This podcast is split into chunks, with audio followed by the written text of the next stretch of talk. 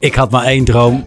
Ten koste van alles, als zo klein als ik was, was profvoetballer worden. Het bestuur van mijn toenmalige amateurclub, die kreeg toen een brief dat ik een keertje mee mocht trainen. Nou, ik huilen, jongen, huilen. Ik denk, ja, hier gaat mijn droom. Ik had ook die training door mijn enkel kunnen gaan. Het landskampioenschap behaald en ik heb nog de beker gewonnen. Ik heb nog even Champions League gevoetbald. Dus toen heb ik drie jaar geleden die stap gemaakt om uh, een eigen bedrijf op te richten. Hoe ga ik mijn rol daar invullen? Want er zit ook een heel venijnig randje in Expeditie Robinson. En wat zal mijn rol daarin zijn? Welkom bij Levenswerk, een podcast met inspirerende verhalen voor en door de arbeidsmarkt. Vandaag bij mij te gast Jan van Halst, ex-profvoetballer en bekend sportanalyticus bij Ziggo Sport. Deelnemer van Expeditie Robinson 2021 en eigenaar van het leiderschaps- en trainingsplatform Van Baas naar Coach. Over hoe je het beste uit jezelf en je team kunt halen. Jan, welkom. Ja, dankjewel. Leuk, Leuk hier te zijn. bent. Ja, ja, super mooi. Prachtige locatie werkelijk. Echt mooi, hè? Ja, in een eh, speciale aangelegde studio, maar je kijkt naar buiten, het zonnetje schijnt. Een mooiere pensionato-dag hadden we niet kunnen wensen. Nee, dit, eh, die opbouw in de dag, dat is geweldig. Ja, Super. Jan, ik begin altijd met de vraag: wat wilde jij vroeger worden? oh, daar ben ik heel gauw, eh, heb ik daar het antwoord voor. Ja. Ik, had maar één droom. Ja, ja. Ten koste van alles, als zo klein als ik was, was profvoetballer worden. Dat, eh, daar ging ik helemaal voor. Ondanks dat ik eigenlijk niet eens zo'n heel groot talent was. Ik kon al redelijk, redelijk voetballen. Maar het is niet zo dat ik eh, echt ja, met kop en schouders bovenuit stak. Ik ben ook pas heel laat gescout. In vergelijking met al die grote talenten waarmee ik heb gevoetbald. Dus, maar dat was gewoon mijn droom. En daar moest alles voor wijken. En eh, hoe werd dat thuis gestimuleerd? Ehm, nou ja, het werd, het, het, er werd naar gekeken en ze vonden het prima. Maar ik heb nog twee zussen en eh, ja, eentje wilde graag volleyballen en de ander basketballen. Dus papa en mama gingen wel altijd mee. Die waren hartstikke druk op eh, zaterdag en later op zondag. Dus ja, we kregen alle vrijheid. Maar het is niet zo dat eh, mijn vader en moeder langs de lijn stonden te schreeuwen... en dat ze na afloop nog de wedstrijd gingen analyseren. Sterker nog, ik raakte altijd licht geïrriteerd als mijn vader, dan was ik 12 of 13, opmerkingen ging maken over de wedstrijd. Dan dacht ik, joh, je hebt er helemaal geen verstand van. Ja, wat ja, weet jij ik, nou? was vrij, ik was vrij eigenwijs op die leeftijd, ja. Mooi. En eh, op welk moment eh, werd je gescout? En wanneer werden er stappen gemaakt? Ehm, nou, kijk, als je heel goed kan voetballen, hè, en vergelijkt met al die grote talenten, dan word je op je 11e, 12e gescout ongeveer. Eh, en dan doorloop je zo'n hele jeugdopleiding bij zo'n eh, betaald voetbalorganisatie. Maar ik werd op mijn zeventiende pas gescout. Mhm. En daar had ik nog geluk mee, want- want ik woonde toen in Zeist in de buurt van Utrecht. En ik kreeg, ehm, of nee, het, eh, de, het bestuur van mijn toenmalige amateurclub, die kreeg toen een brief dat ik een keertje mee mocht trainen. Nou, dat was voor mij al een droom. Maar die hadden ze niet doorgestuurd naar mij. Dus dan kwam ik later, hè, kwam ik dat te horen van, och, ben je niet geweest? Oh, ja, wat jammer. Dus ik was daar gewoon niet opkomen dagen. Nou, ik huilen, jongen, huilen. Ik denk, ja, hier gaat mijn droom.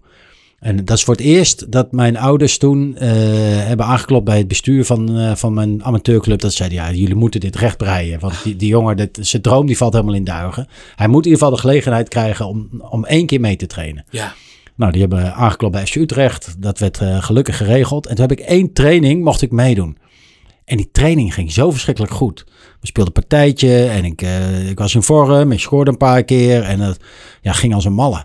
En zie je ook, daarom vertel ik het ook, hoe, hoe je afhankelijk moet zijn van momenten in je leven dat je net massa moet hebben. Ik had ook die training door mijn enkel kunnen gaan.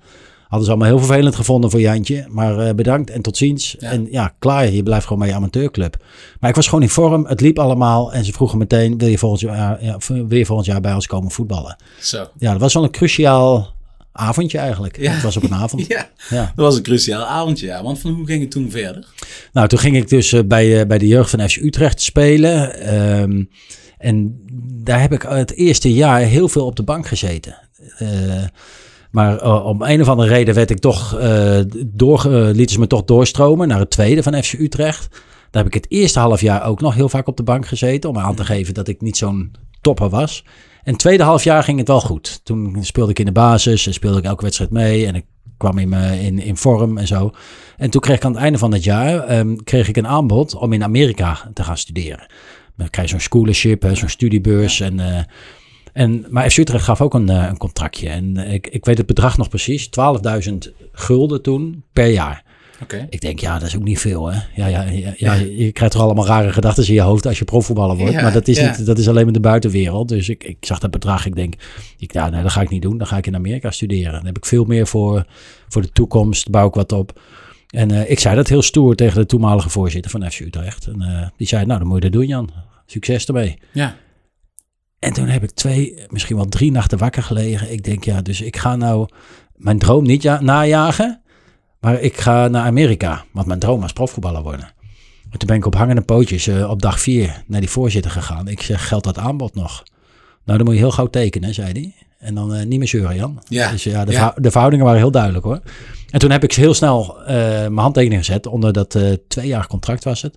Eh, en ben ik dus, of vanaf dat moment was ik dus profvoetballer bij FC Utrecht. God. En dat, dat inderdaad op zo'n moment dat je denkt van... Ik kan keuzes maken. En ook weer zo'n moment aangrepen van... Ik moet dit gewoon doen. Kwam denk ik vanuit je onderbuikgevoel. Of waar, waar kwam dat vandaan? Ja, nou ja, dat is. eh, d- kijk, ik, ik heb net ook weer even naar Hij en geluisterd. En daarin eh, geeft hij ook aan dat jij. Je kunt alles heel goed beredeneren. Hè? En dat had ik aanvankelijk ook gedaan met deze keuze. Nou, Amerika, dat is goed voor je toekomst. Je Ja. leert goed eh, Engels leren, goede op, eh, opleiding.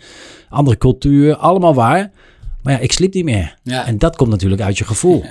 En eh, ja, daar heb ik gelukkig toen naar geluisterd. Ja, ja.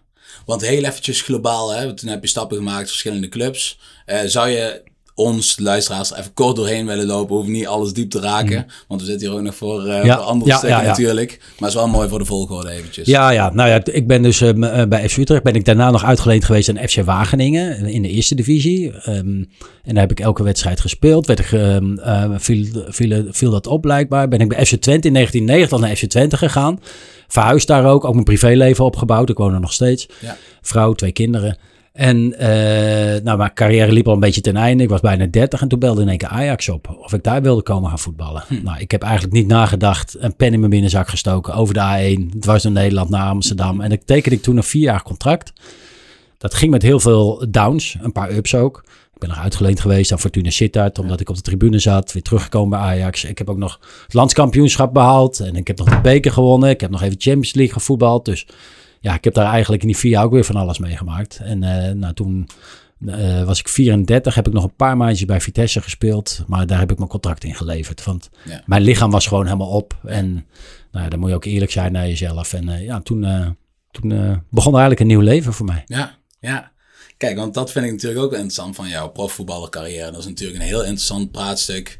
We zouden ook een uur over door kunnen gaan. Maar ik vind het ook heel bijzonder wat er na gebeurde. Want hoe ben jij... Want volgens mij ben je met een blessure ben je eruit gemoeten. Het lichaam was op.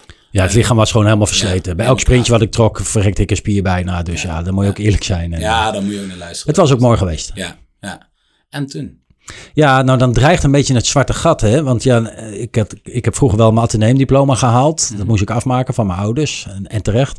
En, eh, maar echt een vervolgopleiding heb je niet. En dat is natuurlijk voor heel veel voetballers of sowieso topsporters... die zich helemaal focussen op een topsportcarrière. Wat ga jij daarna doen? Ja, Hè, en dan hebben wij als voetballers nog het geluk dat je aardig wat centen verdient. Maar mijn gedachten gaan heel veel uit naar die Olympische sporters... die niet zoveel Ja. verdienen ja, en kei en keihard elke dag moeten trainen. Maar goed, ehm, voor mij was het dus ook, ja, wat voor keuzes maak ik? En eh, nou, ik ben wat dingen gaan doen. eh, wat lezingen eh, ging ik geven in het bedrijfsleven. En columns schrijven. Ik werd gevraagd om te gaan analyseren op televisie. Ja. Ik dacht toen eenmalig. En toen werd het tweemalig en driemalig. En nou, we zijn nu 15 jaar verder. En ik ben nog steeds aan het analyseren op televisie. Maar het belangrijkste stap is wel dat ik ehm, werd gevraagd om te komen werken op de commerciële afdeling van FC Twente. En ehm, daar heb ik wel heel veel geleerd. Ook omdat die club die stond aan de vooravond van een enorme groei. Ehm, ambitieuze voorzitter, eh, nog wat mensen eromheen. En die gingen de schouders eronder zetten. En ik, ik zal het verhaal wat korter maken. Maar in die acht jaar dat ik daar eh, uiteindelijk in het management heb gezeten. En ik werd manager algemene zaken. Werd het stadion uitgebreid van 13.000 toeschouwers naar 24.000 toeschouwers. En later nog naar 30.000 toeschouwers. Eh, sportief ging het eh, eh, hartstikke goed. In 2010 nog kampioen geworden. Champions League eh, gehaald. Maar het allerbelangrijkste, wat eigenlijk op mijn bordje lag, was de commerciële afdeling.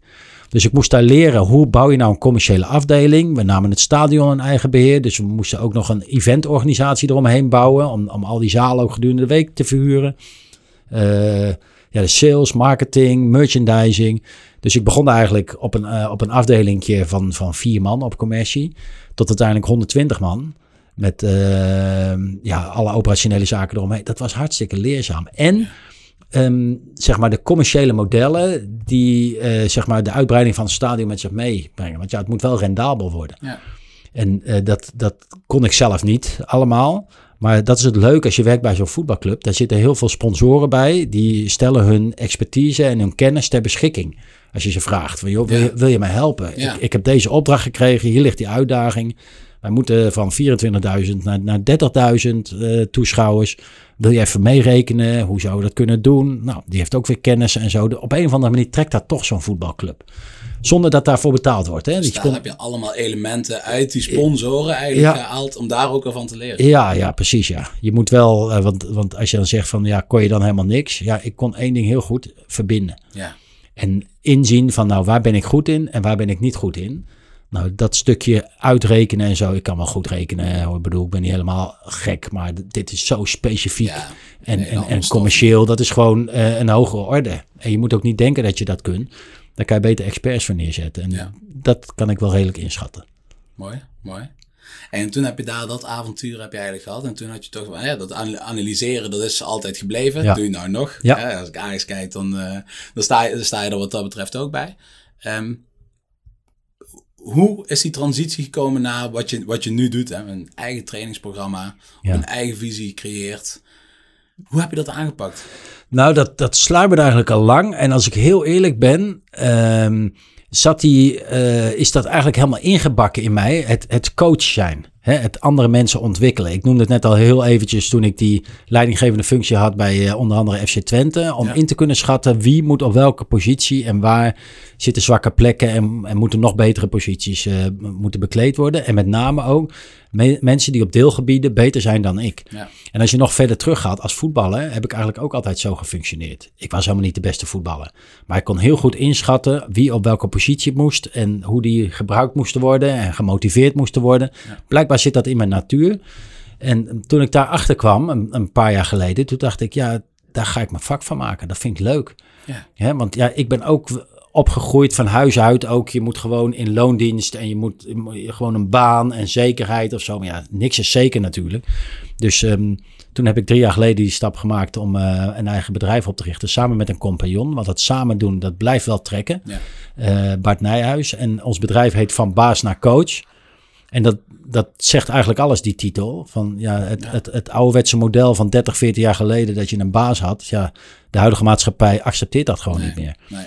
Dus eh, hoe word je nou als eh, eindverantwoordelijke een, een meer coachende leidinggevende, waarbij je andere mensen laat floreren, ontwikkelen en eh, ook shinen. Ja. En dat is eigenlijk ja, wat wij doen. Dus enerzijds binnen teams, want die, die teamdynamiek, die, ehm, die vind ik fascinerend. Hè? Hoe, hoe je nou al die, al die teamspelers bij elkaar kunt brengen en dan het resultaat halen.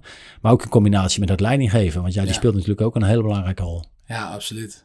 Ja, en ik mag het aan de lijve gaan ondervinden, want je gaat het ook voor ons doen. Ja, ja, Ja. ja. bij Personato ook. Nou, dat is heel erg leuk. En nou, dat is nou precies een bedrijf eh, waar ik heel enthousiast van word. Ja dat, ja, dat klinkt een beetje klef, maar zo bedoel ik het niet. Want dit is een snel groeiend bedrijf met jonge mensen. En wat je heel veel ziet bij snel groeiende bedrijven, daar zitten heel veel jonge mensen en die, die willen graag en die, en die werken hard en, en die zetten de schouders eronder.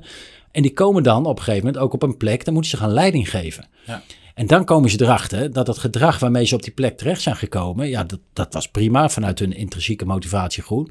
Maar het vraagt gewoon andere competenties. Ja. Hè, in één keer moet je eh, andere mensen laten shinen, zelf dingen loslaten waar je eigenlijk heel goed in was. Maar ja, als je dat maar blijft doen, dat, dat biedt weinig ruimte voor anderen. Ja. Nou, dat is heel erg leuk om dat bij jonge mensen die graag willen, die een volgende stap in hun leven willen maken, om dat te leren. En ehm, ik vergelijk het even met een, een, een, een bedrijf of een, nou ja, eh, een overheidsinstelling is het de, de cultuur ook vaak wat anders. Maar ehm, jonge mensen die zich willen ontwikkelen, om daar training aan te geven, dat is fantas- fantastisch. Ja, heerlijk, heerlijk. Ja, ik heb er ook echt enorm veel zin in. Ik ben ook een van die mensen die door verschillende stappen te maken eh, op een leidinggevende rol is komen te zitten. Ja.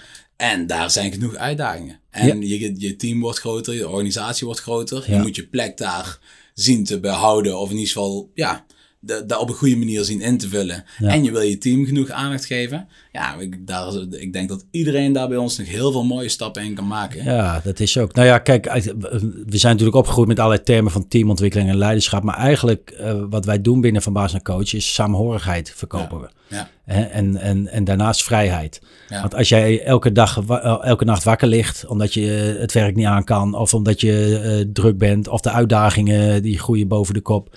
Ja, dat is, dat is echt frustrerend. En dat is doodzonde. En ook voor bedrijven, want die talenten die daar tegenaan lopen, ja, die denken dan, ja, ik ga weg, dit hou ik Ja. niet vol. ja, Of storten in, of, of worden zagrijnig, whatever. Alles wat ertussen zit.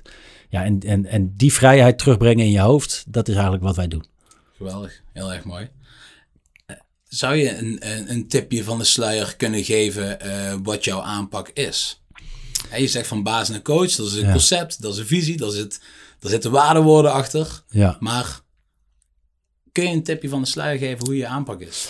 Ehm, nou, om het heel kort te houden, hè, want eh, natuurlijk is eh, elk traject heeft weer andere eh, dimensies en andere uitdagingen. Maar eigenlijk, om ook in de termen van Hein Heijen te blijven, ehm, wij maken onbewust gedrag bewust. Want vaak, ja, je werkt je kapot en je doet je best en, en, en je bent aan het rennen en aan het vliegen totdat je tegen die muur aan knalt. Dat doe je niet bewust. Dat doe je onbewust, om, eh, omdat je gewoon je best doet. Je wil Ja. het beste, ook voor je baas, maar voor jezelf of wie dan ook, voor je team. Nou, dat bewust maken en eh, dat je denkt, hé, hey, wacht even, is het wel goed wat ik aan het doen ben nu? Hè? Moet ik hier wel mee doorgaan? Of kan ik ook eh, een keertje linksaf of één stapje terug, waardoor ik straks drie stappen vooruit kan maken? Ja, Ja, dat, dat, dat, dat bewustmakingsproces, hè, dat, en ik vat het altijd samen met één zin. Ehm, als je denkt dat je er bent, begint het pas. Ja, En, en dat is natuurlijk ook vaak zo. En dat is een, een beetje vanuit de topsport ook. Hè, dat je steeds maar weer beter wil, meer en zo. Maar het gaat niet om harder werken of harder eh, rennen of wat dan ook. Het gaat om juist van hoe zet ik die volgende stap. En de volgende stap kan ook zijn gewoon eens stilzitten. ja. En nadenken en anderen het werk laten doen. En dat is vaak de uitdaging. Mooi. Mooi, heel goed. Is dit jouw levenswerk? Ik kan me niet voorstellen dat ik hierna nog wat anders ga doen. Nee. Want eh, ik ben hier heel langzaam naartoe gegroeid. Ook, ook met vallen en opstaan. Hè? Want ik heb ook heel veel fouten gemaakt. Ook als leidinggevende. En helemaal in de periode dat ik van het voetbalveld afkwam. Dat ik dacht, ja, ik heb al het keihard gewerkt als voetballer. Ik ga ook keihard werken op de commerciële afdeling van FC Twente. Ja. Maar ik werd na, na een maand ongeveer, werd ik al aangesproken, die mensen. En die zeiden, Jan, als jij hier nog langer blijft werken, dan gaan we allemaal weg. We worden helemaal gek van jou. Omdat ik dacht, ja, weet je, ik was opgegroeid van eh, eh, nou, de peuk erin gooien, elke dag het maximale uit jezelf halen. En zo rende ik ook over de gangen in, het, in die kantoren daar. En ik dacht, ik ga al die mensen, weet je wel, naar een hoger niveau brengen door maar hard te rennen en die, en die kantoren in te vliegen. Die werden helemaal gek van mij. Ja. Dus, ehm, eh, dus die fout heb ik ook gemaakt, weet je. En dan lag ik ook wakker, denk ik. Vol, wat, nou ja, sorry voor het woord, maar wat een eikel ben ik eigenlijk, Ja, weet je. ja. En, en toen ben ik ook daarin gaan leren en gaan inzien van... hé, hey, ik moet mijn gedrag aan gaan passen. En dat is zo leuk. Ik heb het zelf meegemaakt. En eh, zelfs nog helemaal op het einde, eh, vlak voordat ik dit bedrijf begon... heb ik een periode bij FC Twente meegemaakt waar ik werd teruggevraagd. Maar die club was helemaal in verval. Frauduleuze handelingen, puntenaftrek. Wat nog nooit gebeurd was. Miljoenen claims van de Belastingdienst. En daar ben ik ingestapt. Had ik nooit moeten doen. Want ik zei net al aan het begin van de podcast: je moet weten waar je goed in bent en waar je niet goed in bent. Ja. Ik ben niet goed in saneren, keihard het mes in een organisatie zetten, financieel gedreven leiding geven. Dat ben ik niet. Ik ben een verbinder, ik ben een opbouwer, ik ben een ontwikkelaar. Ja, dat was helemaal niet aan de orde. Dus dat had ik veel beter in moeten schatten. Ja. Maar mijn ego, zo eerlijk ben ik wel, ja, omdat ik gevraagd werd door heel veel mensen van kom alsjeblieft terug. Dat werd zo gestrild, ik ben er toch ingestapt. Ja. Had ik nooit moeten doen. Ja, nou ja, maar had je het nooit moeten doen? Want het is wel een stap geweest die jou weer enorm veel inzicht en kennis over jezelf heeft gegeven, die je anders misschien niet had gehad. Want je zegt ook van, ik wil buiten mijn comfortzone pakken, eh, stappen, of ik wil soms eens even op de plaats rust. Nou, je bent uit je comfortzone gestapt. Eh, je hebt de deksel dan misschien wel ook op de neus gekregen. Maar uiteindelijk heeft het wel gebracht naar waar je wel wilde zijn. Helemaal eens. Helemaal eens. Dat is een hele goede opmerking van je. Dat- zo kijk ik er nu achteraf ook naar. ja. Maar in de- op het moment dat ik daar middenin zat, hè, want ik ben daar eh, eh, bedreigd, mijn kinderen zijn bedreigd, politiebewaking gehad en dergelijke, weet je, dan, dan wordt het wel heel erg naar. Dus dat had ik liever niet meege- meegemaakt. Maar in de kern klopt het wat je zegt. Ja. Ja. En ik Ja. kijk er nu ook eh, met een grote glimlach op terug. En eh, het allerbelangrijkste is uiteindelijk het resultaat. Die club bestaat nog, want anders had hij niet meer bestaan, die club. Precies, precies. Ja, dat inderdaad, er zit dan wel een heel lelijk aspect aan. Maar inderdaad, voor de, voor de ontwikkeling die je daar uiteindelijk, als je terug mag kijken op daar in, eh, in alle gezondheid, dan, dan is dat natuurlijk wel een geweldige Ja. stap. Precies, precies. Nou, heel bijzonder. En, en want eh, er werd dan ook al geprikkeld. Hè, de, ene, de ene helft van de organisatie, zeg maar, heel even resoluut. De mannen die kennen van hey, eh, voetballer van Ajax, eh, analist Ziggo Sport. En de dames zeggen van hey, die doet ook mee met de Expeditie. Hè, weet je wel, dat is een beetje Oh, ja? de tweestrijd. Maar wat ik heel erg mooi vind, is natuurlijk, ik heb me ook een beetje verdiept in dergelijke. Je ziet in jou de coach, de, de, de leider die echt ook wel coachend kan zijn en die zichzelf ook heel goed op de achtergrond kan zetten. Dat zie je nou eigenlijk heel erg live in die opnames van Expeditie Robinson. Zie je dat heel erg terug. Hoe was dat voor jou? Hoe, wat, wat voor gevoel geeft dat? Want je komt in één keer in een hele Ja. andere, andere omgeving, hele andere Ja. context in één keer dat je gewend, ben- gewend bent. En nou sta je daar toch in één keer Ja. met allemaal vreemde mensen. Ja, hoe, Ja, nou ja, daar was ik ook nieuwsgierig naar. Kijk, er zijn een aantal aspecten waar ik nieuwsgierig naar was. Ehm, eh, niet dat ik met allemaal vreemde mensen daar eh, terecht zou komen, want dat vind ik altijd leuk en interessant. En, Ja. eh, ik heb ook een beetje de instelling, aan elk mens zit iets leuks, weet je wel. Dus daar vind ik altijd, ben ik altijd nieuwsgierig naar. Maar het meeste is ehm, de heimwee. Dat ik dacht, hoe ga ik me daarin houden? Ja. Hoewel mijn kinderen zijn al oud hoor. En die zeiden ook van papa, blijf je acht weken weg. Ik bedoel, wij redden ons wel. Ja, ja, die zijn al eh, 27 en 23. Ja. Nou, mijn vrouw die is niet anders gewend dat ik heel veel weg ben. Dus, maar gewoon eh, het leventje thuis, weet je wel, dat, dat hou vast. Hoe ga ik daarmee om? Helemaal in je eentje daar ver weg. En eh, het tweede is honger. Oh ja. En dat heeft me eh, wel wat gebracht dat ik, dat ik door ging krijgen daar van wat doet honger met mensen.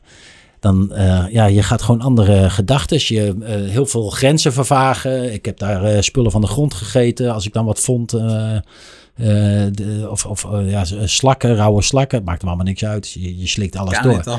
Terwijl ik echt waar hier, als hier eh, slak op het menu staat. Nou, ik had nog nooit gegeten. Ja, ja. Dus, ehm, eh, en het derde aspect is natuurlijk ook, hoe ga ik mijn rol daar invullen? Want er zit ook een heel venijnig randje in Expeditie Robinson. Ehm, nou ja, dat, vind ik, dat, dat, dat vond ik het minst leuke, maar goed, dat hoort erbij. Maar wel van, hoe krijg ik nou zo'n groep daar, weet je wel? Met allemaal vreemde mensen. En wat zal mijn rol daarin zijn? En dan merk je wel dat je natuurlijk, op een natuurlijke manier ook die rol oppakt of toebedeeld krijgt. Of ja, blijkbaar ja, keken ze toch naar mij van, Jan, Ja. wat vind jij? Nou, dan, Ja. dan zei ik van, nou, misschien is het handig om het zus en zo te doen. En, eh, en dat moet dan ook een paar keer werken. Hè? Om, om nou één voorbeeld te noemen. Je gaat naar zo'n proef toe. Die proef wordt uitgelegd. En dan krijg je één minuut de tijd om even te overleggen hoe je als team die proef gaat doen. Mhm. Dus zat ik te denken, op het strandje liggend. Ik denk, ja, als we nou in die minuut tijd allemaal door elkaar heen gaan kakelen. Hè, dat, dan ben je die minuut al kwijt. Dan zeg je eigenlijk niks tegen elkaar. Nee. Dus de dag voordat we die eerste proef gingen doen, zeg, zullen wij met elkaar afspreken, even om tijd te winnen, heel efficiënt te werken. In die minuut maken we een heel kort rondje. Als je niet weet hoe je die proef aangepakt, je zeg je pas. Ja. Hè? En dan gaan we heel snel zo'n rondje. Nou, er zijn acht man in zo'n team. Hè? Je begint met acht man. Nou, dan eh, vier passen er in dat mi- minuutje. Vier die hebben een tip. Dan ben je 30 seconden verder. Ik zeg oké. Nou, dan zei ik van, eh, eh, eh, zullen we die twee tips gebruiken? Als tip 1 niet werkt, dan gaan we over naar tip 2. Akkoord? Ja. En aan dat plan, dat moet Ja. in een minuut gesmeed worden. Ja. Hè? Waar normale hele werkgroepen voor ingericht worden in het bedrijfsleven. En dat duurt allemaal lang. Dat kan daar niet. Nee. Dus, ehm, en dat heb ik ook een beetje uit het voetbal. Daar moet het ook snel. Hè? Split second. Ja, dus eh, nou, en daar wonnen we ook. eh, dat hebben we nou eh, tijdens de uitzendingen wat gezien. En eh, de, de eerste twee weken wonnen we ook wat proeven mee. Ja, dan krijg je gauw van, hey, het plan werd door de coach Jan. En ik bewaakte dat dan ook, hè, want heel vaak in de waan van de dag of in de waan van de proef. Dan vergeet je allerlei afspraken die Ja. je in het begin hebt gemaakt. Nou, die bewaakte ik dan een beetje. En soms heel lief, soms wat strenger. Maar goed, alles voor het resultaat. En, Ja, dat was wel heel leuk. Ja. Mooi. Speciale, speciaal event voor, je, voor, je, voor jezelf in het leven. Ja, ja, ja, dat was, dat was ook eh, grappig. Nou ja, het zijn allemaal kleine dingen dat je... Kijk, je hebt geen horloge daar, geen telefoon en zo. Dus je, je wordt heel gauw een dag- en nachtmens. Ja. Nee, nog beter gezegd, een licht- en donker mens. Dus je gaat s'avonds... Ja, eh, nou, wij schatten, het werd om half negen daar donker. Zei ze, ja, z- zullen we maar naar bed gaan? Want ja, het, het wordt donker en, en die bedjes die, die liggen daar in het bos. Anders kunnen we het bedje niet meer vinden hè, door, Ja. door het donker. Ik denk, ja, half negen. Ik ga nooit om half negen naar bed. Ja. Maar op een of andere manier, na een half uurtje, viel ik toch in slaap. Je bent alleen om vijf uur, werd het daar licht, half zes, zoiets, rond, uh, rond die tijdschatting.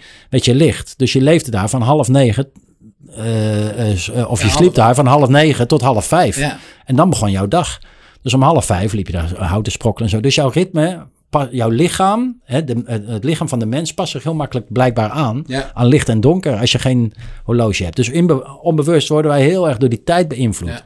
Wat eigenlijk helemaal niet hoeft. Best wel leidend, eh, hè? niet best wel. Tijd is alles in deze maatschappij. Ja, ja, toch veel meer. En, en daar is dat weg. En dat is grappig. En ik was ook benieuwd. nou, Maar daar komt dus toch een bepaald ritme uit. Dat je Ja, een licht en donker mens wordt. Ja. Bijzonder. Ja. Hey, waar kijk je even eh, kort naar de toekomst? Wat, eh, wat, wat staat er bij jou nog op de, op de agenda? Wat ga je doen?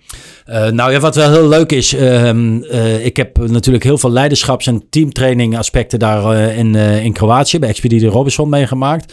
22 oktober hebben we de try-out. Dan gaan we een expeditie van baas naar coach eh, in Tiel organiseren. Waar, dat was ook binnen drie dagen helemaal uitverkocht. Er 30 leidinggevenden samenkomen en dan worden ze helemaal door elkaar gehusseld. Oh, super. Maar wel met leiderschap en teamontwikkeling. Dus eh, zo'n stoom, eh, stoomcursus, om het maar zo te zeggen. Ja, Eh, en vervolgens ja, heb ik allerlei leiderschapstrajecten voor, de, voor het komende jaar. Dus ja, dat gaat ook allemaal hartstikke goed. En het analyseren blijft ook doorgaan. Dus ja, ik ben een gelukkig mens. geweldig.